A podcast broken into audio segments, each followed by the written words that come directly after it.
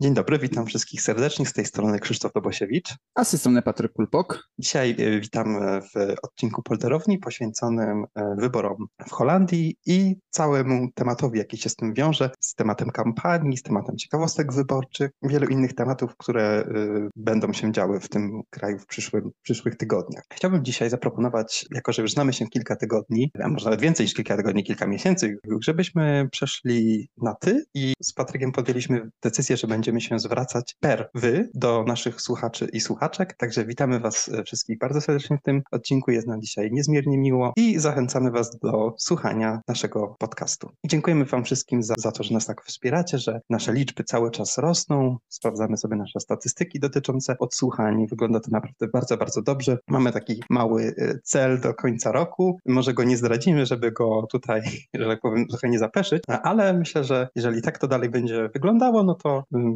zrealizujemy go z całą pewnością. Patryku, dzisiaj zaczęliśmy od, tym, zacząłem nasz odcinek od, od tego, że poświęcimy naszą uwagę wyborom w Holandii, które już za miesiąc. No tak, jeżeli Państwo... Od, tak, od dnia, dzisiaj nagrywamy to 22 października, wybory odbędą się 22 listopada. Dokładnie, tak, tak dokładnie równo za miesiąc, ale zanim przejdziemy do wyborów w Holandii, poświęćmy dosłownie chwilę na wyborom w Polsce, które odbyły się w ostatnią, w ostatnią niedzielę, a mianowicie jak to Polacy zagłosowali w wyborach, w polskich wyborach w Holandii, korzystając z 10 punktów wyborczych, które e, utworzyła ambasada na terenie Holandii, oczywiście z pomocą e, i za przyzwoleniem władz holenderskich. Patrząc się na e, liczby udostępnione przez, przez PKW, ogólnie w, w Holandii zagłosowało 32 706 osób i największe poparcie, największą ilość głosów otrzymała Koalicja Obywatelska, ponad 43% głosów oddanych, druga jest Lewica, Lewica z 20%, 20%, później Konfederacja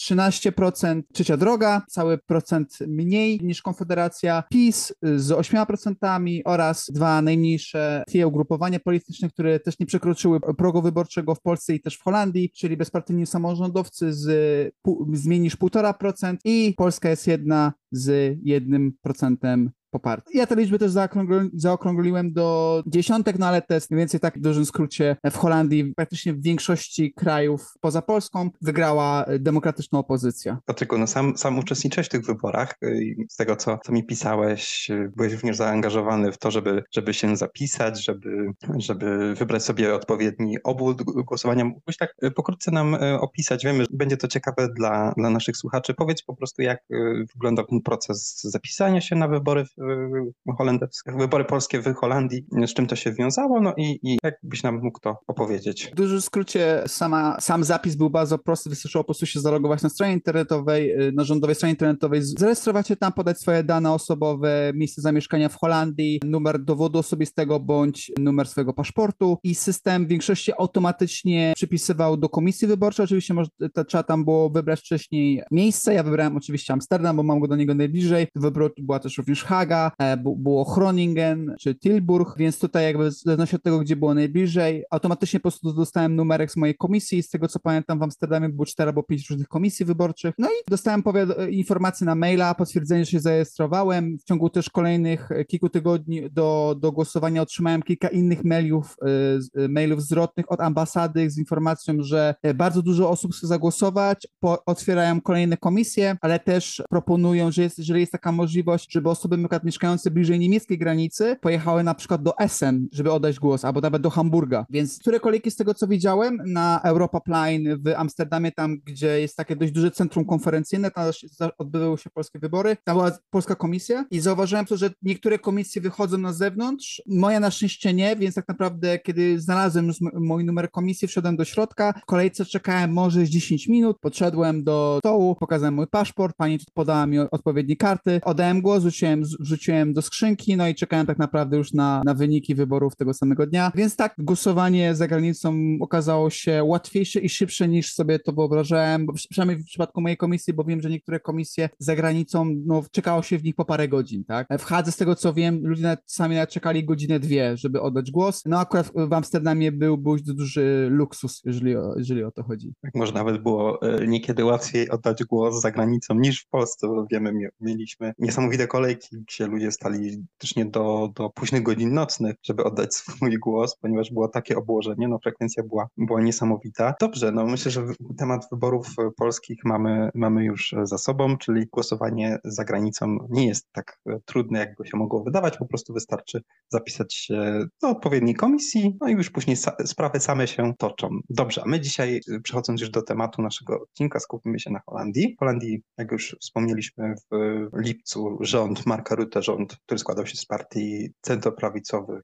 centrowych, został rozwiązany. Niestety partie wchodzące w skład koalicji nie umiały się, się dogadać co do e, kwestii migracji, kwestii uchodźczej. W, w, kwestii właśnie uchodźczej, nie samej tak. migracji, tak, jakby w, w kwestii jakby jak bardzo Holandia i, i jakby naprawdę jakby no dużym jakby, jakby największym argumentem była po prostu jakby liczba e, azylantów i, i o to, czy azylanci powinni mieć prawo do e, dołączenia rodzin i w tak. jakiej skali. Tak, dokładnie. To był ten temat, który wtedy bardzo spolaryzował ówczesny rząd. No i rząd rozwiązał się parlament, czyli druga izba parlamentu również się rozwiązała. Mieliśmy okazję w niej e, być w te wakacje. Tak jak żeśmy wcześniej wspominali, Zatrafiliśmy wówczas na, na wakacje parlamentarne, mogliśmy co nieco pozwiedzać. Było to już właśnie w tym okresie po, po rozwiązaniu parlamentu. No i jak wiadomo, wybory muszą odbyć się, się ponownie. Rząd ten wytrwałby, no to wybory Holandia miałaby dopiero w 2025 roku, no a tak będzie miała e, jesienią tego roku. No i jak ogólnie wygląda kwestia sondaży, kwestia kampanii wyborczej, która już się w Holandii toczy, jakie partie polityczne będą e, uczestniczyły, to zaraz do tego przejdziemy. Może faktycznie najpierw zacznijmy od partii politycznych. Ten Mo moment, może zanim tak? przejdziemy do partii politycznych, Krzysztofie, warto wyjaśnić naszym słuchaczom, dlaczego wybory w Holandii odbywają się w środku tygodnia, kiedy większość ludzi pracuje, a nie tak jak, a nie tak, jak, a, a, nie tak naprawdę jak, jak u nas czy w większości krajów, tak, bo, bo poza Holandią wyłącznie Dania, Irlandia, no oraz Wielka Brytania e, mają, mają właśnie wybory, e, które nie odbywają się w niedzielę. Jak jeżeli Państwo pamiętacie, kiedy wspominaliśmy właśnie o historii Holandii, Holandia przez wiele, wiele wieków była dość chrześcijańskim krajem, podzielona w pewnym momencie pomiędzy katolikami a kalwinistami. I ten układ, może nie tyle co mentalność, co, tak, takie przepisy, one zostały nawet do dzisiaj, tak na przykład jak uniwersytety w Holandii, one w większości dalej mają, na, przynajmniej na papierze są albo, albo protestanckie, albo katolickie, albo liberalne, bo, taka, bo takie było prawo, y, więc, więc te uniwersytety nigdy tego nie też nie usunęły ze swoich akt i jeżeli chodzi o wybory w Holandii, to niedziela jest dniem wolnym od pracy, jest dniem świętym i tutaj jakby pojawiła się logika, że skoro ludzie chodzą do kościoła, to nie powinni iść na wybory. No i też oczywiście odpada piątek i sobota, bo też Holendrzy zdają sobie z tego sprawę, że część ich społeczeństwa praktykuje judaizm, a część ich społeczeństwa praktykuje e, islam, więc tutaj dla, dla obu tych religii z kolei i, i sobota i, i, piątek są wolne, więc tutaj też te, te, te dni nie są w ogóle brane pod uwagę. W poniedziałek nie mogą mogą się odbyć, ponieważ przygotowania do wyborów trwają zwykle przez weekend, więc tak byłoby za szybko. A środy są też takim dniem w Holandii, gdzie uczniowie mają bardzo mało zajęć i te szkoły są bardzo mało oblegane przez, przez uczniów, a duża część, nie wszystkie, ale duża, tak jak zresztą jak w Polsce, e, duża część punktów wyborczych znajduje się w pobliskich szkołach, więc po prostu ludzie na przykład biorą godzinę wolną od pracy yy, i idą do wyborów, co jest ciekawe, z tego, że Holandia jest jednym okręgiem, tak, jakby nie ma podziału na okręgi tak jak w Polsce. Głosować może się wszędzie, wystarczy po prostu, bo kilka tygodni przed wyborami do, na,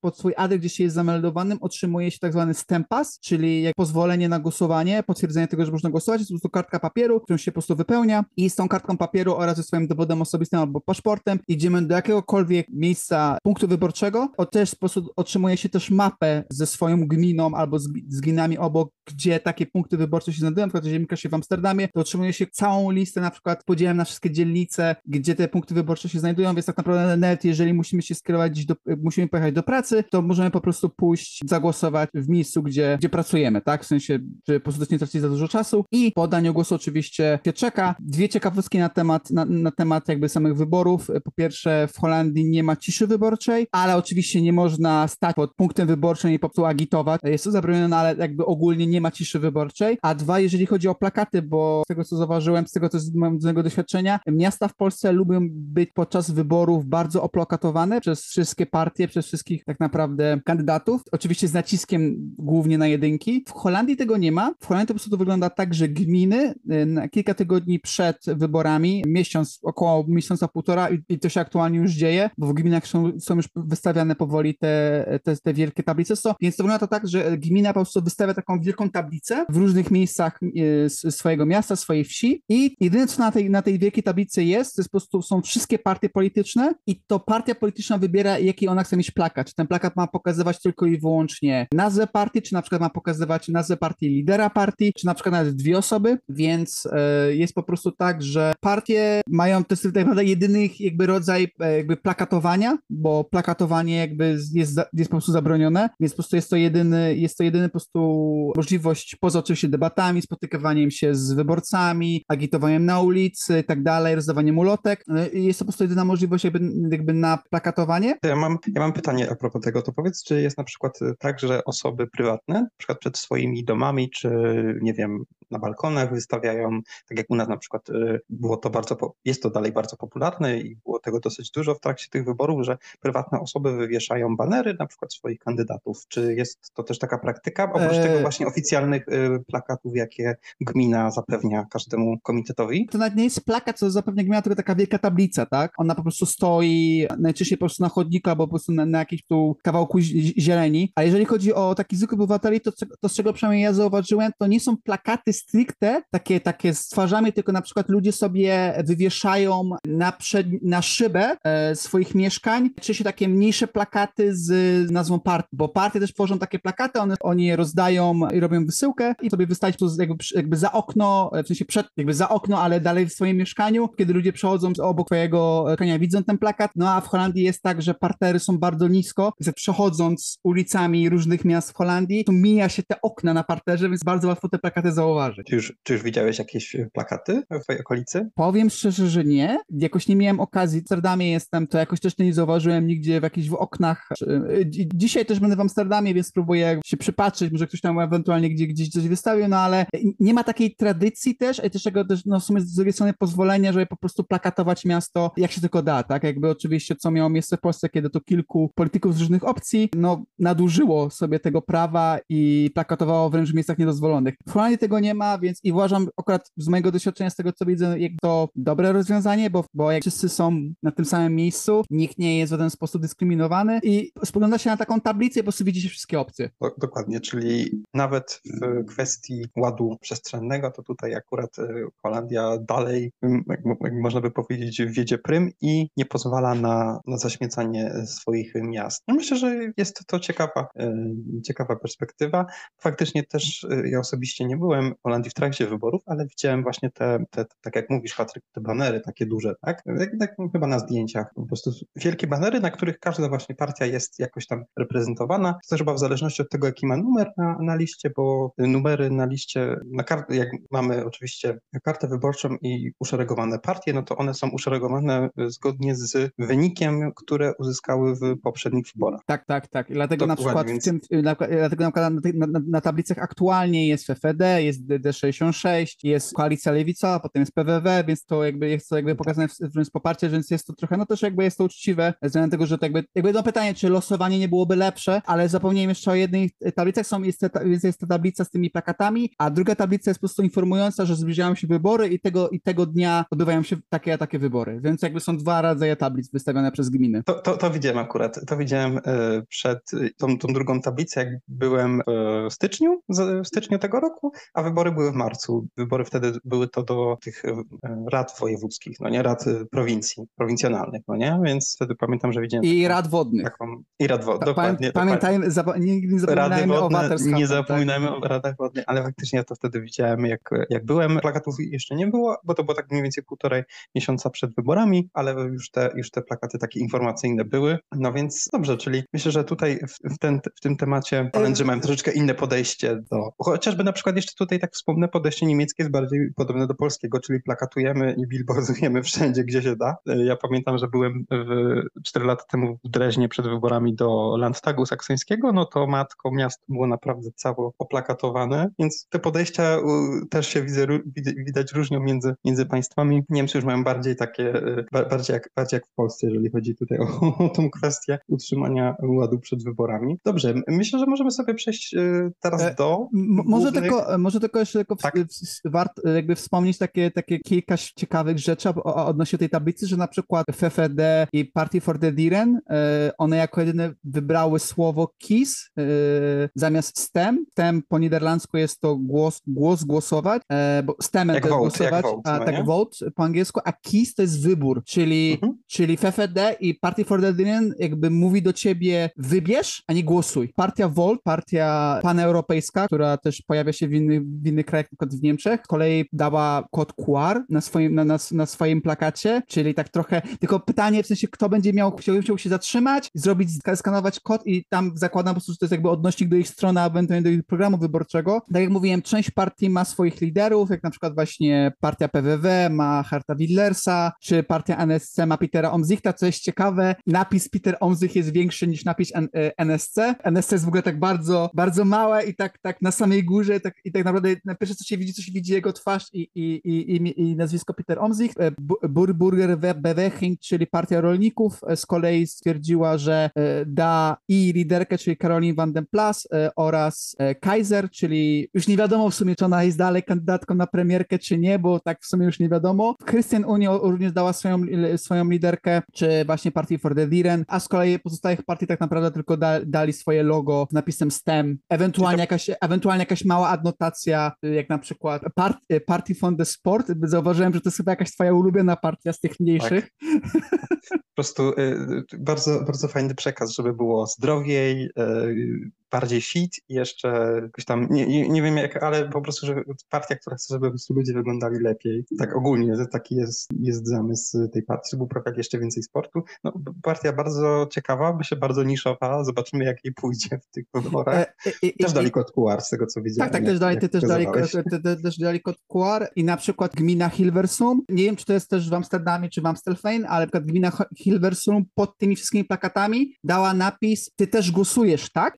Stem toch ook, czyli jest takie ty też zagłosujesz, tak? Czyli taka Aha. też zachęta gminy, żeby pójść zagłosować i ostatnia rzecz, którą warto wspomnieć, e, głosowanie odbywa się za pomocą czerwonej kredki. Tak, to jest też ciekawe, ponieważ jak y, już Patryk wspominał, jest jeden okręg wyborczy, cały kraj to jeden duży okręg wyborczy, więc wyborca, kiedy przychodzi zagłosować, otrzymuje właśnie taką wielką płachtę, gdzie ma e, wylistowanych wszystkich kandydatów, którzy biorą udział w wyborach. Nie ma podziału na okręgi, nie ma, że jest jedynka w okręgu takim, jak właśnie u nas były te wszystkie rozmowy, kto będzie jedynką, jedynka wyprzedziła, mhm. w Holandii w sumie jest jedynka, jest to lead candidate, tak zwany, y, to się nazywa live tracker i jest to ta jakby osoba pierwsza na liście, no ale pod nią jest multum, multum innych kandydatów, no i wtedy, kiedy wyborca dostaje taką kartę, dostaje też również czerwoną kredkę i tą czerwoną kredką nie robi krzyżyka, nic tam nie ten, tylko po prostu zaznacza y, to kółeczko przy nazwisku kandydata bądź kandydatki, którą wybiera, więc jest to troszeczkę inne podejście. Y, Nie wiem, czy kwestia z tego, że czerwona kredka jest lepiej widoczna na takiej dużej, y, na takiej dużej płachcie, myślę, że to chyba Tak, chyba tak jakby, jeżeli- na, jakby jako osoba, No. która już miała możliwość dwa razy zagłosowania w wyborach do gminy, w wyborach do rad wodnych, ta czerwona kredka jest bardzo widoczna, więc i można, Tak. sobie, ją wziąć, i można sobie ją wziąć na pamiątkę. O, Ale nie zawsze, bo niektóre gminy mają, e, zakładam po prostu, że jakby czy po prostu gminy mają środki, żeby po prostu kupić tysiące kredek, ale nie, niektórych po prostu gminach można z taką kredką po prostu wyjść, e, więc można mieć po prostu pamiątkę z, z. Ale to jest taka dosłownie, to jest taka naj- najzwyklejsza czerwona kredka. Taka trochę, grubsza, jest- trochę grubsza, ale jakby to nie ma też nic, nic, nic nadzwyczajnego, tak? To jest ciekawe, bo to później właśnie tworzy takie różne zwyczaje wyborcze, które na przykład u nas jeszcze jako tako nie ma chyba, ale y, właśnie w krajach y, o bardziej rozwiniętych demokracjach, które już oczywiście wiele, wiele dłużej głosują, to później właśnie są różne y, tego rodzaju zwyczaje, typu właśnie czerwona kredka, bądź, bądź również jeszcze, jeszcze inne mogą być. Co jest moim zdaniem bardzo, bardzo miłe i, i też ciekawe, bo to... Okej, dobrze, to porozmawialiśmy troszeczkę o właśnie tej infrastrukturze kampanii, jak to wygląda właśnie z plakatami, no ale jakie partie znajdują się na tych plakatach? Jakby jak blisko czy daleko ideologicznie stoją wobec, wobec siebie? W Holandii, jak wiemy, mamy bardzo dużo e, różnych partii, jeżeli chodzi o to, ile partii jest reprezentowanych w drugiej izbie. W Kamery jest ponad 17 partii. Niektóre te partie mają po jednym, jednym reprezentancie i jest to e, pewien który który wiąże się z tym, że faktycznie próg wyborczy w Holandii jest bardzo, bardzo niski, wynosi 0,67%, czyli po prostu jeden, jeden mandat na 150 miejsc w parlamencie. I to sprawia, że faktycznie ten wybór partii jest ogromny. I tak, jeżeli chodzi o partie, które w tych wyborach startują, no to tutaj na, na, y, posłużę się Wikipedią. Moim zdaniem w tym, w tym aspekcie dosyć dobrym źródłem informacji. Jest też dobrze zaprezentowana. Y, na ten moment mamy 26 partii, które się zgłosiły, co jest y, spadkiem wobec tego, co było w 2009, 2021 roku, ponieważ wówczas mieliśmy 37 partii. No dobrze, tylko ile z tych partii tak naprawdę liczy się w tym wyścigu wyborczym? Zakładam, że no, co, najmniej, co najmniej połowa z nich, czyli 12, 13, może 14 partii będzie miało może szansę na... Może 15. Może 15 będzie miało szansę faktycznie na przekroczenie, yy, przekroczenie tego progu 0,67%. I teraz tak, jeżeli chodzi o partie, to pokrótce przybliżę te największe partie, które są reprezentowane w całym kraju, e, we wszystkich 20 dystryktach, jak, e, na jakie podzielona jest Holandia, ponieważ mimo tego, że jest to jeden okręg wyborczy, to kraj jest podzielony na 20 takich mniejszych dystryktów i czasami niektóre mniejsze partie nie są reprezentowane w, w danym dystrykcie, czyli w jednym dystrykcie na przykład może, można dostać kartę wyborczą, gdzie na przykład nie będzie danej, danej, danej partii, mimo że wszystkie pozostałe partie, które są reprezentowane w całym kraju będą, będą oczywiście obecne. Są to takie właśnie drobne, drobne niuanse, które, które występują, ale dobrze, przechodząc już, już do y, opisu partii, no to oczywiście na pierwszym miejscu, y, idąc y, zgodnie z listą, jest jeszcze obecnie rządząca partia WWD, czyli, czyli Partia Ludowa na Rzecz Wolności i Demokracji. Jest to partia, która w swojej ideologii jest partią liberalną, partią um, konserwatywną, liberalną, stawia na wolny rynek, na prywatną przedsiębiorczość. Obecną nie kandydatką jest Dylan Jesilgos-Zegerius, która zastąpiła premiera Marka Rutte na stanowisku lidera tej partii. Partia obecnie powiem, walczy e, o, o to, żeby, żeby być na pierwszym miejscu. Nie jest e, jakby jej czas, kiedy była tym niekwestionowanym liderem w rankingach już niestety albo niestety, w zależności od perspektywy wyborcy minął. E, partia może obecnie liczyć, posłużymy się tutaj sondażami z Europe Elects i partia może liczyć mniej więcej na 17% poparcia. Jest to spadek z tych 21%, które miała w 2021 roku. E, kolejną partią jest rzecz jasna Zestach, e, Demokraci 66, pod przywództwem Roba Jetena, który przejął stery po tym, jak Sigrid e, Kach zeszła ze stołka, po tym jak, po tym jak czwarty rząd Marka Rutte podał się do dymisji. Jest to partia właśnie socjal-liberalna, to znaczy wszystko i nic moim zdaniem, z mojego doświadczenia, bo jest takie bardzo centrystyczne. Partia jest zdecydowanie taka właśnie w centrum, która, która próbuje jakby manewrować pomiędzy pomysłami lewicowymi, bardziej socjalnymi, a prawicowymi bardziej wolnorynkowymi. Rzecz jasna, de demokraci są progresywni społecznie, no ale tak oni tak jakby tak się próbują znaleźć taki złoty środek e, pomiędzy wszystkimi. Oni też bardzo często w tych wszystkich sondażach, mapach politycznych są bardzo blisko środka. Chodzi o to, jakie oni mają pomysły na, na realizację e, w Holandii. No ale niestety aktualnie sondaże nie są dobre dla, dla demokratów. 66 e, przewiduje się, że spadną z 20 miejsc miejsc kamer do siedmiu. Kolejną e, partią jest Sojusz, coś co na y, holenderskiej scenie politycznej nie jest dosyć y, popularne, nie, ponieważ jest to sojusz wyborczy dwóch partii, partii GroenLinks i partii PWDA, czyli Zielonej Lewicy i Partii Pracy. Partia Pracy to partia, która przez wiele, wiele lat był, była jedną z głównych partii politycznych. Partia Pracy, Partia Socjaldemokratyczna i GroenLinks, partia Zielonej Lewicy, czyli partia, która powstała w roku 89 jako sojusz wielu różnych lewicowych, pacyfistycznych i ekologicznych środowisk w wyborach, ponieważ w 2021 roku ich wynik łączny był dosyć słaby, osiągnęli niecałe 11% poparcia. Przez te ponad półtorej roku liderzy tych partii, oczywiście również mm, członkowie, byli skorzy do podjęcia jakiejś współpracy i do tego, żeby te dwie partie połączyły swoje siły i w wyborach przyszłych, które mamy w tym roku, wystartowały jako jedna zjednoczona lista no, tych dwóch. Jedną partia, e, jak wiadomo, łączy sojusz łączy w sobie y, postulaty socjaldemokratyczne, oraz postulaty zielone. Jest to właśnie taka fuzja socjaldemokracji i zielonej polityki i obecnie przewodniczącym, może nie przewodniczącym, tylko właśnie tym liderem e, i kandydatem na premiera później będzie Franz Timmermans, czyli e, polityk, który jest e, jednym z bardziej prominentnych polityków europejskich, był wiceprzewodniczącym Komisji Europejskiej przez, przez długie lata, powrócił do krajowej polityki po to, żeby wywalczyć to zwycięstwo dla Zjednoczonej Lewicy i obecnie w sondażach mm, Zjednoczona Lewica właśnie bije się o, o to podium, czy znajduje się na podium, a bije się o pierwsze miejsce i zgodnie z sondażami, e, które, które tutaj mamy, ma niecałe 18% poparcia, czyli faktycznie widać duży wzrost z tych 11, jakie mieli w, 2000, w 2021 roku do obecnie 18%. 18%. Kolejną partią, która też jakby jest wysoko w sondażach, jest na miejscu czwartym. Jest to e, Partia na Rzecz Wolności, Partia for the, for the Freiheit, pod przewodnictwem też jedynego członka tej partii, ponieważ PWW szczyci się tym, że jest jednoosobową partią, e, pod przewodnictwem Harta Wildersa, też dość znanego polityka dla Polaków, ponieważ Hart Wilders poza tym, że głosi bardzo dużo antymuzułmańskich haseł, jest przeciwny masowej imigracji do Holandii, jest też zwolennikiem bardzo e, restrykcyjnej e, integracji migrantów z holenderskim społeczeństwem, to poza jakby swoją niechęcią, dość dużą niechęcią do, do właśnie do muzułmanów, właśnie do Turków, do, głównie do Turków i do Marokańczyków, dużo niechęć ma również do imigrantów z Europy Wschodniej, a, a szczególnie do Polaków, Rumunów i Bułgarów, pomimo tego, że ma dużą niechęć do ludzi z Europy Wschodniej, jego partnerka jest z Węgier. Halvirdes jest również znany z postawienia strony internetowej, gdzie Holendrzy mieli zgłaszać naganne zachowania Polaków. Holendrzy zamiast zgłaszać Polaków za złe zachowania, zgłaszali Polaków za ich bardzo dobre zachowanie i za to, jak są dobrymi pracownikami, jak się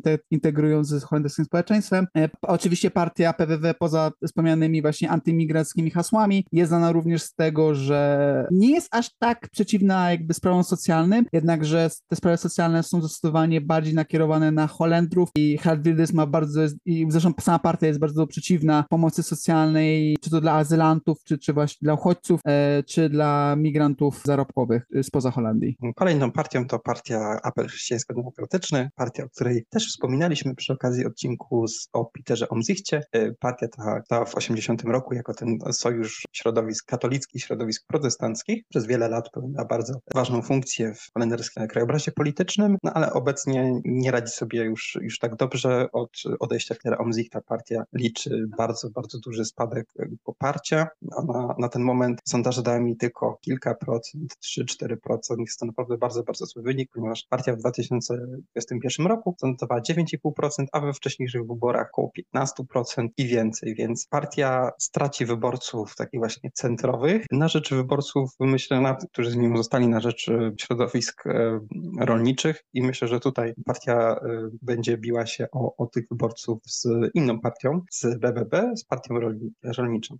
Partia też miała obecnie kryzys przywód, miała kryzys przywódczy, obecnie ma lidera, którego, którego wybrali dosyć niedawno. Zobaczymy, czy partia utrzyma się, czy odejdzie w zapomnienie po tych kilku dekadach bycia na scenie politycznej. Kolejną partią jest Socialist Party, czyli partia socjalistyczna pod przewodnictwem Lilian Marienneisen. Partia e, historycznie e, marksistowsko-leninowska, teraz bardziej demokratyczno-socjalistyczna, ale też skręcająca dość mocno w prawo w ostatnich, na ostatnich miesiącach, która też jest coraz bardziej głośna za ograniczeniem e, migracji zarobkowej do Holandii, że Lilian tutaj już parę razy powiedziała, czy to właśnie w, czy w wywiadzie dla, dla The Guardian, że powinny, Holandia powinna wprowadzić ograniczenia, jeżeli chodzi o migrację zarobkową do Holandii z krajów Unii Europejskiej, czyli na przykład właśnie z Polski, czy wspomniałem wcześniej Rumunii i Bułgarii. Kolejną partią jest Forum dla Demokracji FED. Jest to partia, która powstała dosyć niedawno, w 2015 roku, jako taka przeciwwaga dla partii Herta Wildersa. Prezentowała się na początku jako partia dosyć wyważona, taka właśnie partia podobna troszeczkę do,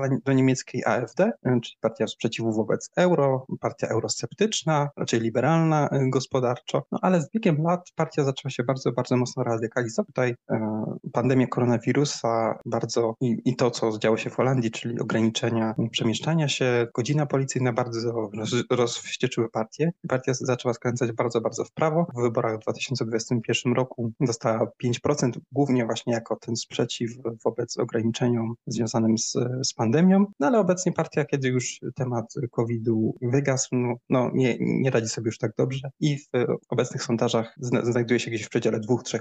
Czyli faktycznie spadek poparcia jest tutaj dosyć widoczny, ponieważ wielu wyborców wspiera raczej bardziej umiarkowane alternatywy niż skrajnych radykałów. No i trzeba też napomnieć, że Thierry Baudet, lider Forum dla Demokracji, jest fanem Władimira Putina. Jakby on nie kryje się z, z jego fascynacją jakby jego osoby jako polityka. Kolejną partią jest Party for the Diren, partia na rzecz zwierząt, partia, która na sztandarach niesie głównie tak naprawdę no, prawa dla zwierząt, likwidacja oczywiście fer, ferm futrzarskich ogólnie w Europie, bo w Holandii takich ferm już dawno nie ma. Jest również za ograniczeniem pogłowia bo, i, i, również trzody, e, czyli żeby farmerzy mieli mniej zwierząt hodowlanych i pod, przewodnictwem e, Esther Ouwenhand, która ostatnio miała dość mocną starcie z, z Radą, Radą Partyjną, przewodnictwem partyjnym, którą wygrała.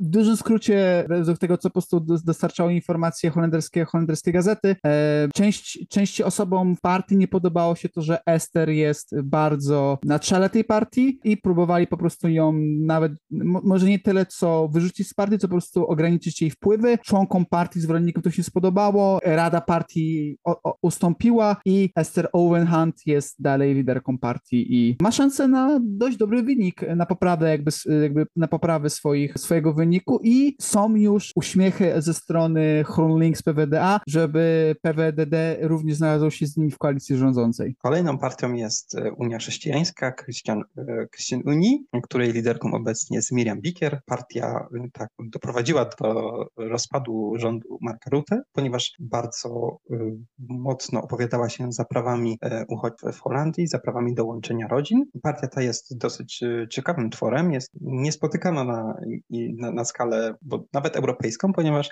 łączy w sobie konserwatywne poglądy, jeżeli chodzi o kwestie światopoglądowe. Oczywiście jest to konserwatyzm, nie jest to y, w żadnym wypadku nagonka na te osoby, jest to po prostu pogląd bardziej konserwatywny, jeżeli właśnie chodzi o osoby LGBT, o kwestie y, prawa do przerywania ciąży, również inne, inne zapisy, inne prawa, które w Holandii obowiązują, które są dość y, progresywne. Partia jest raczej sceptyczna co do tych, co do tego, co do tego prawodawstwa, jednakże jest to partia dosyć lewicowa, jeżeli chodzi o kwestie ekonomiczne i o kwestie właśnie pra praw uchodźców, azylantów.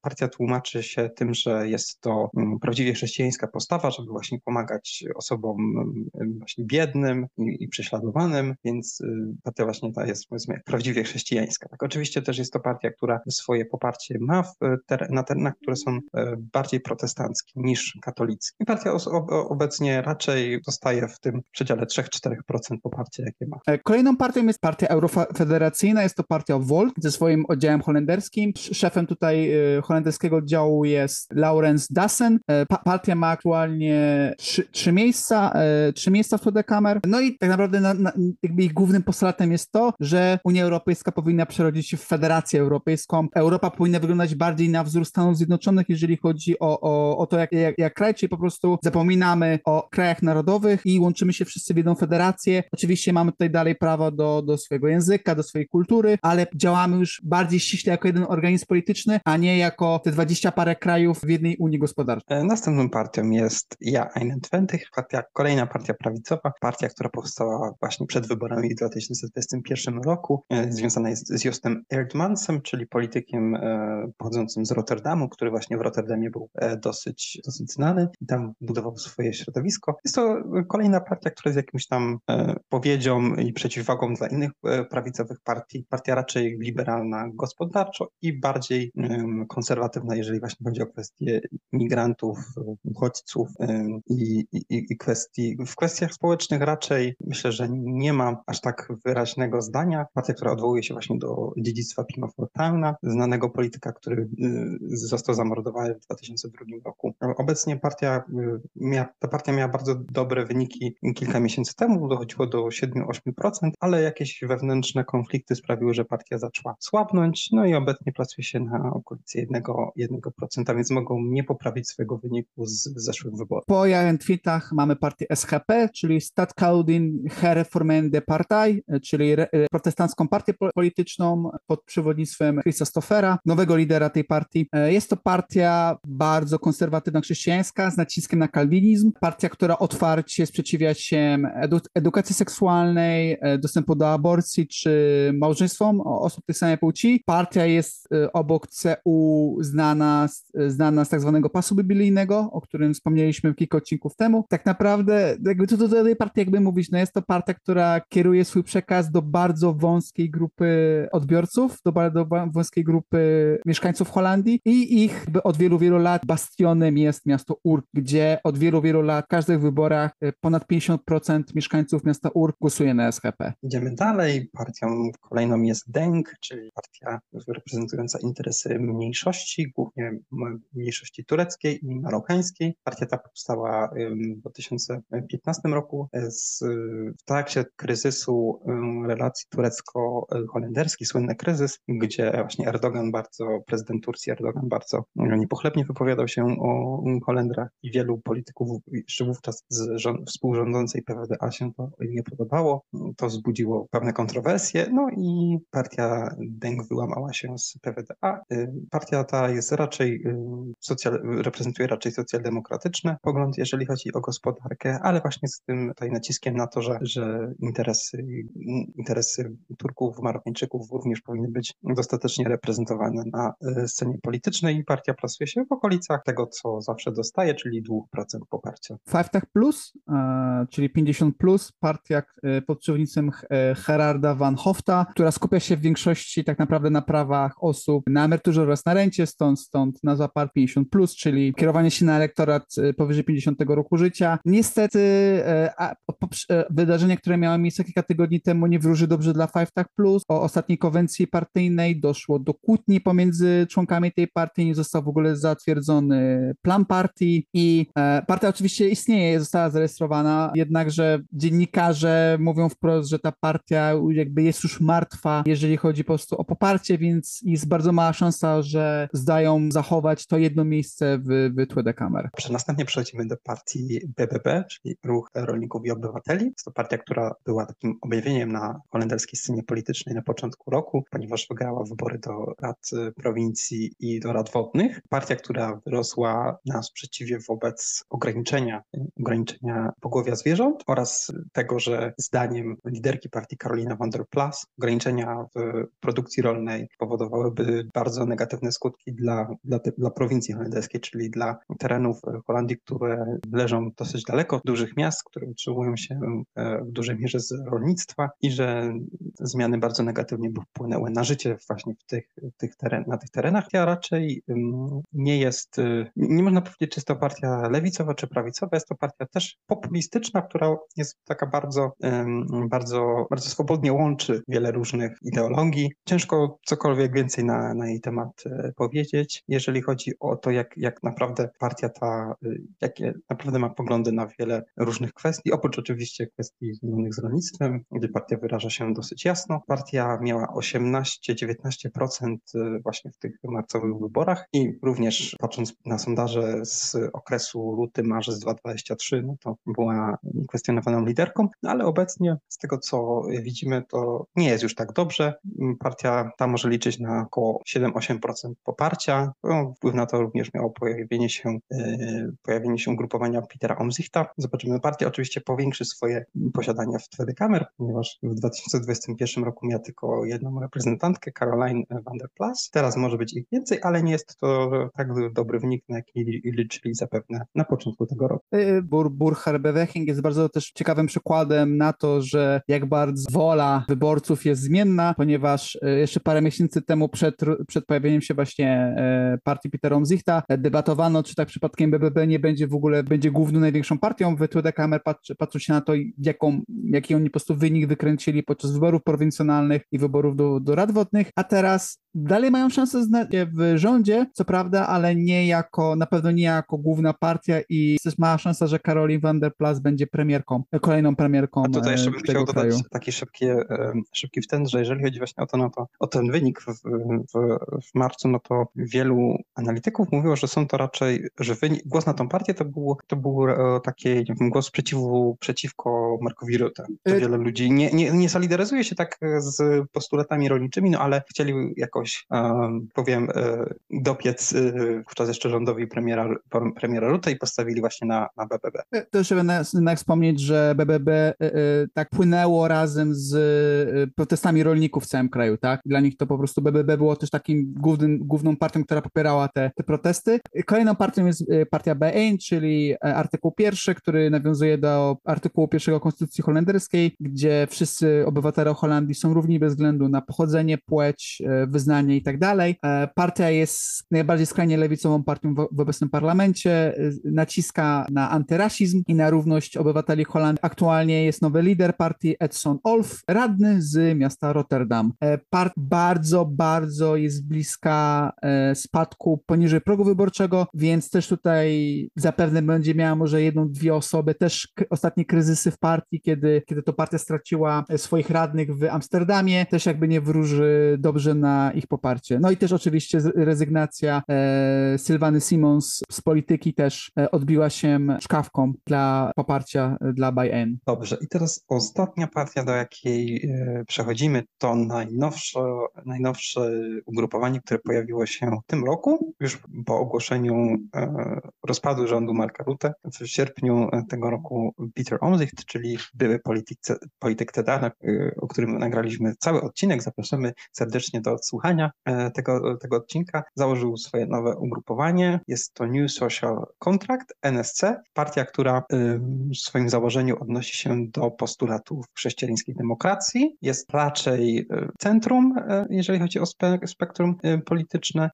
Peter Omzicht odwołuje się tutaj do tej nazwie partii, do swojej książki, którą e, e, napisał kilka lat temu właśnie o tej nazwie New Social Contract i tam wyłożył swoje, e, swoje główne idee i swoje poglądy na poprawienie właśnie jakości demokracji w kraju, poprawienie losu zwykłych ludzi, na większą przejrzystość, transparentność, na ograniczenie jakby na takie ograniczenie imigracji, ale nie, nie skrajne, tylko po prostu wyznaczenie jakiegoś takiego złotego środka. Obecnie jest to około 50 tysięcy imigrantów, na większe, na postawienie na, na naukę języka niderlandzkiego w uniwersytetach, tak żeby faktycznie ta nauka była dla osób znających język niderlandzki, czyli takie trochę mniejsze umiędzynarodowienie uniwersytetów. Można powiedzieć, są to takie poglądy y, centrystyczne i takie właśnie, na które wiele osób mogłoby przystać. Nie jest ani, ani, y, ani prawo, ani w lewo. No i obecnie Peter Omzicht y, jest wielu, według wielu sondaży liderem. Partia Peter Omzichta jest liderem wielu sondaży. Około 18 do 20% poparcia może uzyskać w tych wyborach, co spowoduje, że nie tylko sam lider, który zapewnie będzie miał bardzo dużo głosów, ale również inne osoby zostaną prowadzone do tego e, parlamentu. Tutaj, Patryk, ja ci powiem, że to przypomina mi troszeczkę, e, co u nas się stało z Polską 2050, czyli również partią, może nie w takiej,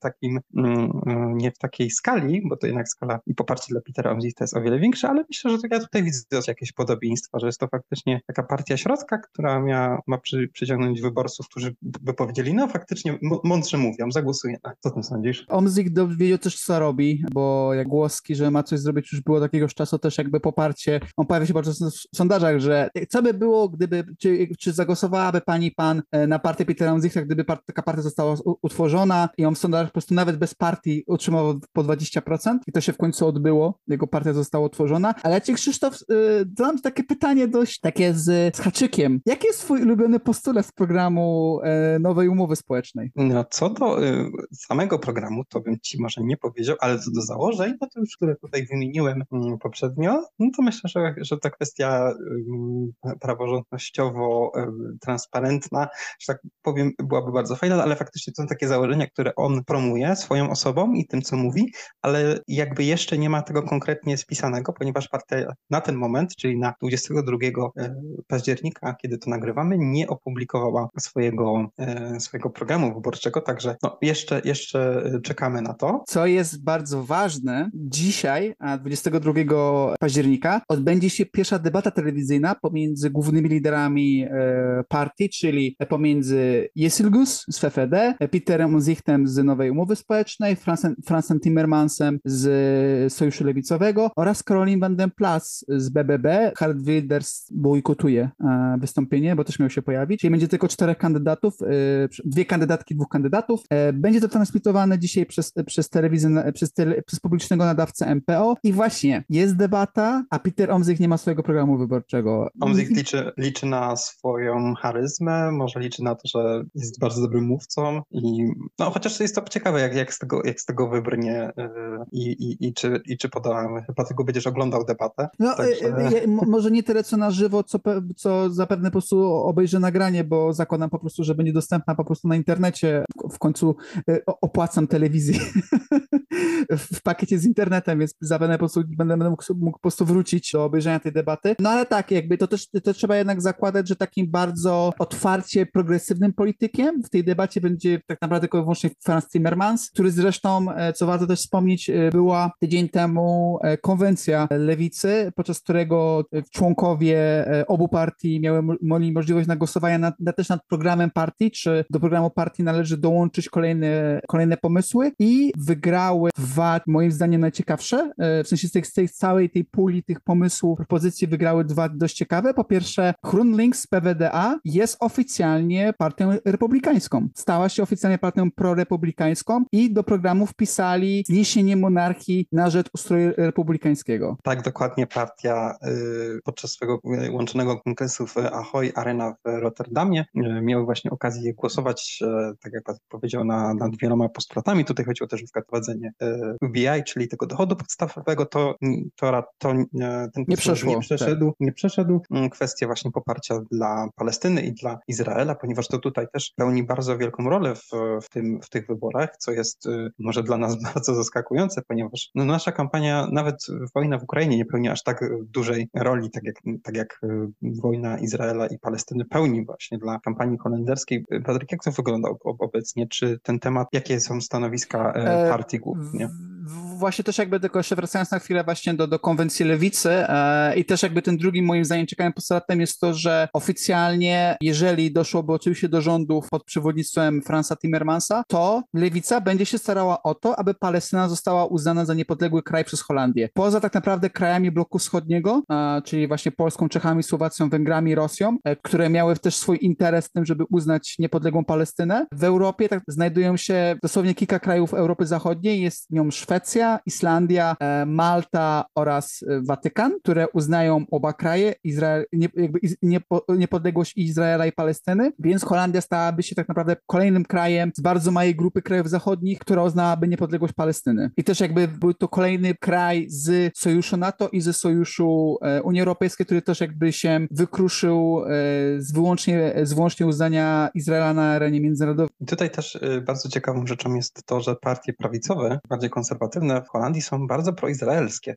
co czasami wydawałoby się takie troszeczkę niezbyt logiczne, że raczej prawica e, nie popiera, nie popiera Izraela, nie popiera środowisk e, żydowskich, a właśnie w Holandii partie e, prawicowe raczej stoją murem za Izraelem. Właśnie ciekawe, dla, dla, dlaczego, dlaczego jest taki, to takie poparcie dla Izraela na prawicy. W, w dużej mierze tak, tak naprawdę wynika to z polityki międzynarodowej, bo tak jak wcześniej wspomniałeś, no polska, polska, polska debata polityczna, polska kampania polityczna też nie skupiała się nawet za bardzo na wojnie w Ukrainie, pomimo tego, że Polska graniczy z Ukrainą i Polska przekazała bardzo dużą ilość środków, e, czy to pieniężnych, czy to, czy to e, militarnych żołnierzom ukraińskim.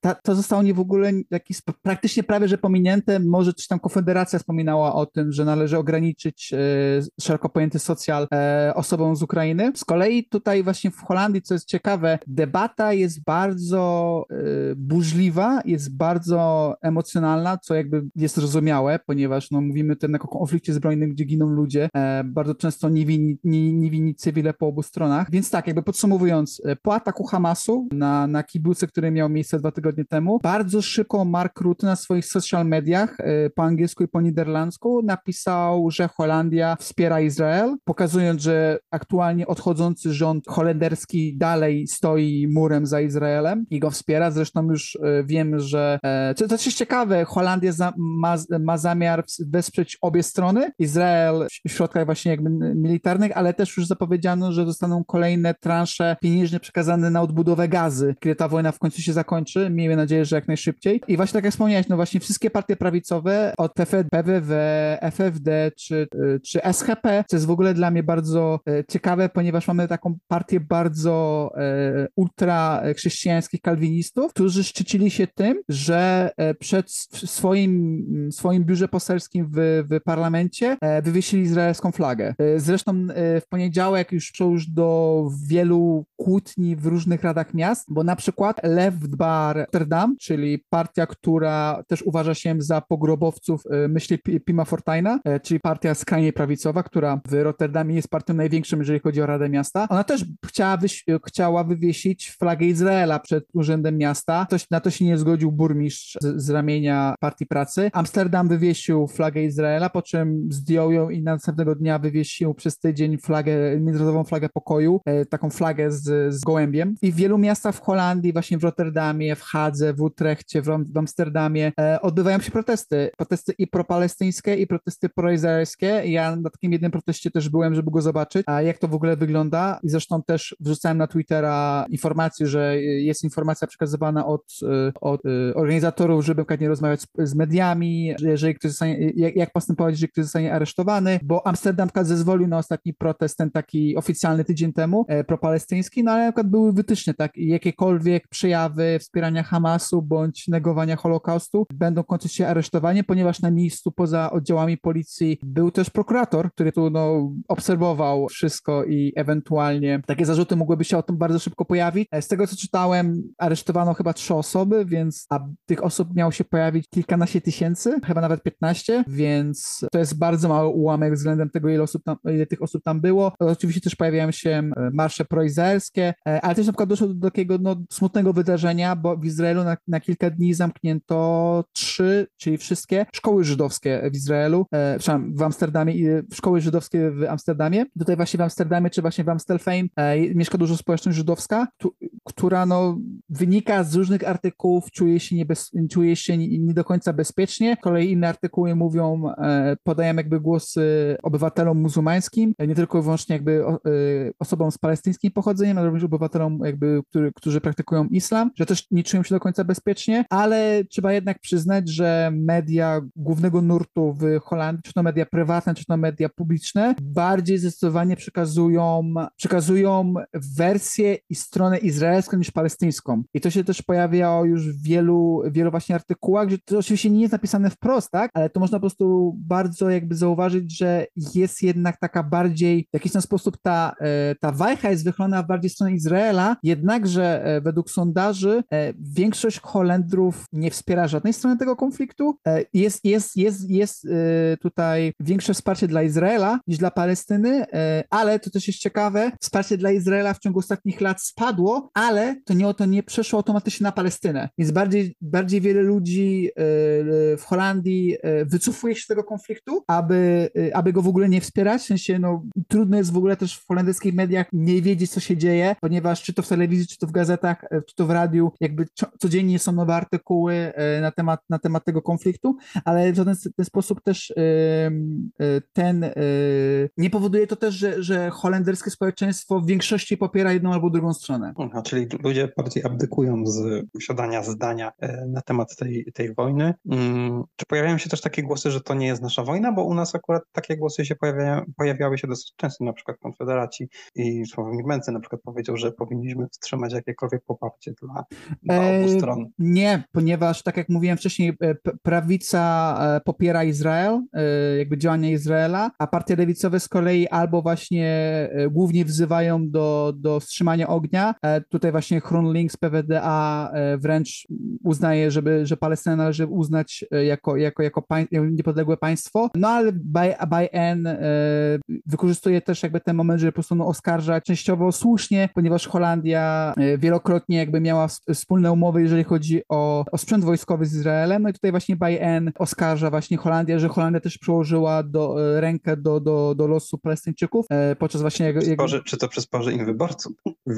Wiadomo. No właśnie to też jest pytanie, a, a tylko, że oni też mają swój konkretny elektorat, tak? Oni mają najbardziej skrajnie No tak. lewicowy elektorat w Holandii, który też jakby też nie jest duży, tak? To ele, taki właśnie skrajnie holenderski e, e, elektorat, on nawet jest mniejszy niż w Polsce, tak mi się wydaje, bo patrząc się przynajmniej na to, co się dzieje w social mediach, e, wydaje mi się nawet, że ta holenderska skrajna lewica jest nawet o wiele mniejsza niż ta skrajna lewica w Polsce, że jest dużo osób No to- progresywnych, ale oni nie są, nie, nie, nie myślą, żeby na BN głosować, tak? Okej, czyli to jest po prostu taka naprawdę nisza y, dosyć specyficzna, tak, która, y, którą ta partia reprezentuje. No dobrze, myślę, że kwestia właśnie tych najnowszych wieści, które mamy z Izraela, z strefy Gazy i z Palestyny, mm, je, przewija się w, w, tym, w tej tematyce. Myślę, że będziemy już powoli zbliżać się do końca. Mam, mam nadzieję, że zaprezentujemy jeszcze inne tematy, które w tej kampanii w Holandii się poruszane. Jeszcze myślę, że nagramy przed wyborami taki odcinek o tym, co, co się obecnie, obecnie będzie działo. No dobrze, no myślę, że już powoli będziemy zbliżać się ku końcowi, jeżeli chodzi o, o nasz dzisiejszy odcinek. Wyszło nam e, dosyć e, długi, ale myślę, że bardzo konkretny, jeżeli chodzi o, o, o to, jak wybory w Holandii się odbywają. Mam nadzieję, że jeszcze nagramy jeden odcinek taki przed wyborami, jeżeli chodzi o inne tematy tej kampanii, kwestie właśnie środowiska, kwestie e, dostępności mieszkań, e, polityki europejskiej e, i tego właśnie, jak Holandia po erze Marka Rutego będzie e, się odnajdywała w, na tej dużej arenie międzynarodowej i czy udaje się jakoś tam e, rozwiązać problemy, jakie ma wewnętrznie. No więc ja wam serdecznie dziękuję za dzisiejszy odcinek. E, E, za- Zanim Krzysztofie Dobrze, jeszcze tutaj pożeg, pożegnam się z, naszymi- z, tak, z, dwa ogłoszenia ode mnie e, e, z naszymi słuchaczami. Tutaj właśnie zanim się pożegnamy z, e, z wami, to dwa małe ogłoszenia. E, Planujemy z Krzysztofem zrobić Twitter Space e, w dniu wyborów, a 22 listopada, e, aby też jakby przybliżyć wam wyniki, e, porozmawiać, porozmawiać właśnie tego, jak, jak może ewentualnie wyglądać przy- przyszły rząd, ponieważ e, chociaż rząd w Holandii może się formować nawet rok, więc to też trochę, możemy na niego trochę poczekać, ale postaramy się wam przybliżyć wyniki, jak, jak, jak będzie wyglądać jakby sytuacja w Holandii. E, Odpowiemy też jakby na wasze ewentualne e, pytania, więc e, pewnie wieczorem, bli- bliżej, bliżej tego dnia e, będziemy to też wam przybliżać, o której konkretnie godzinie, zapewne 22 listopada wieczorem tego, tego, tą przestrzeń dla nas utworzymy. Drugie moje ogłoszenie jest takie, że jutro, czyli w poniedziałek 23 października pojawi się na kanale YouTube doktora Piotra Napierały, podcast Polderownia i będziemy właśnie z doktorem e, Napierałą e, rozmawiać e, głównie na temat holenderskiej polityki, ale zapewne też, pewnie też zostanie wspomniane parę, parę takich codziennych holenderskich, kulturowych rzeczy i będę się teraz właśnie wam przybliżyć. I jeżeli oczywiście tutaj będzie wam za mało polderowni, to zapraszam na się na, na kanał doktora Napierały. Z tego co wiem, stream będzie nagrany, więc on też będzie dostępny cały czas na, na jego kanale, e, więc jeżeli nie będziecie się mogli pojawić w dniu jakby, jakby w momencie premiery, to można, można zawsze do niego wracać. Super, także w tym momencie żegnamy się z Wami. Dziękujemy Wam serdecznie. Zachęcam oczywiście do obserwowania i do dawania e, feedbacku w postaci e, gwiazdek pod naszym podcastem na Spotify. I jeszcze raz dzięki, dziękujemy Wam serdecznie i do zobaczenia w przyszłym tygodniu. Cześć. Do usłyszenia.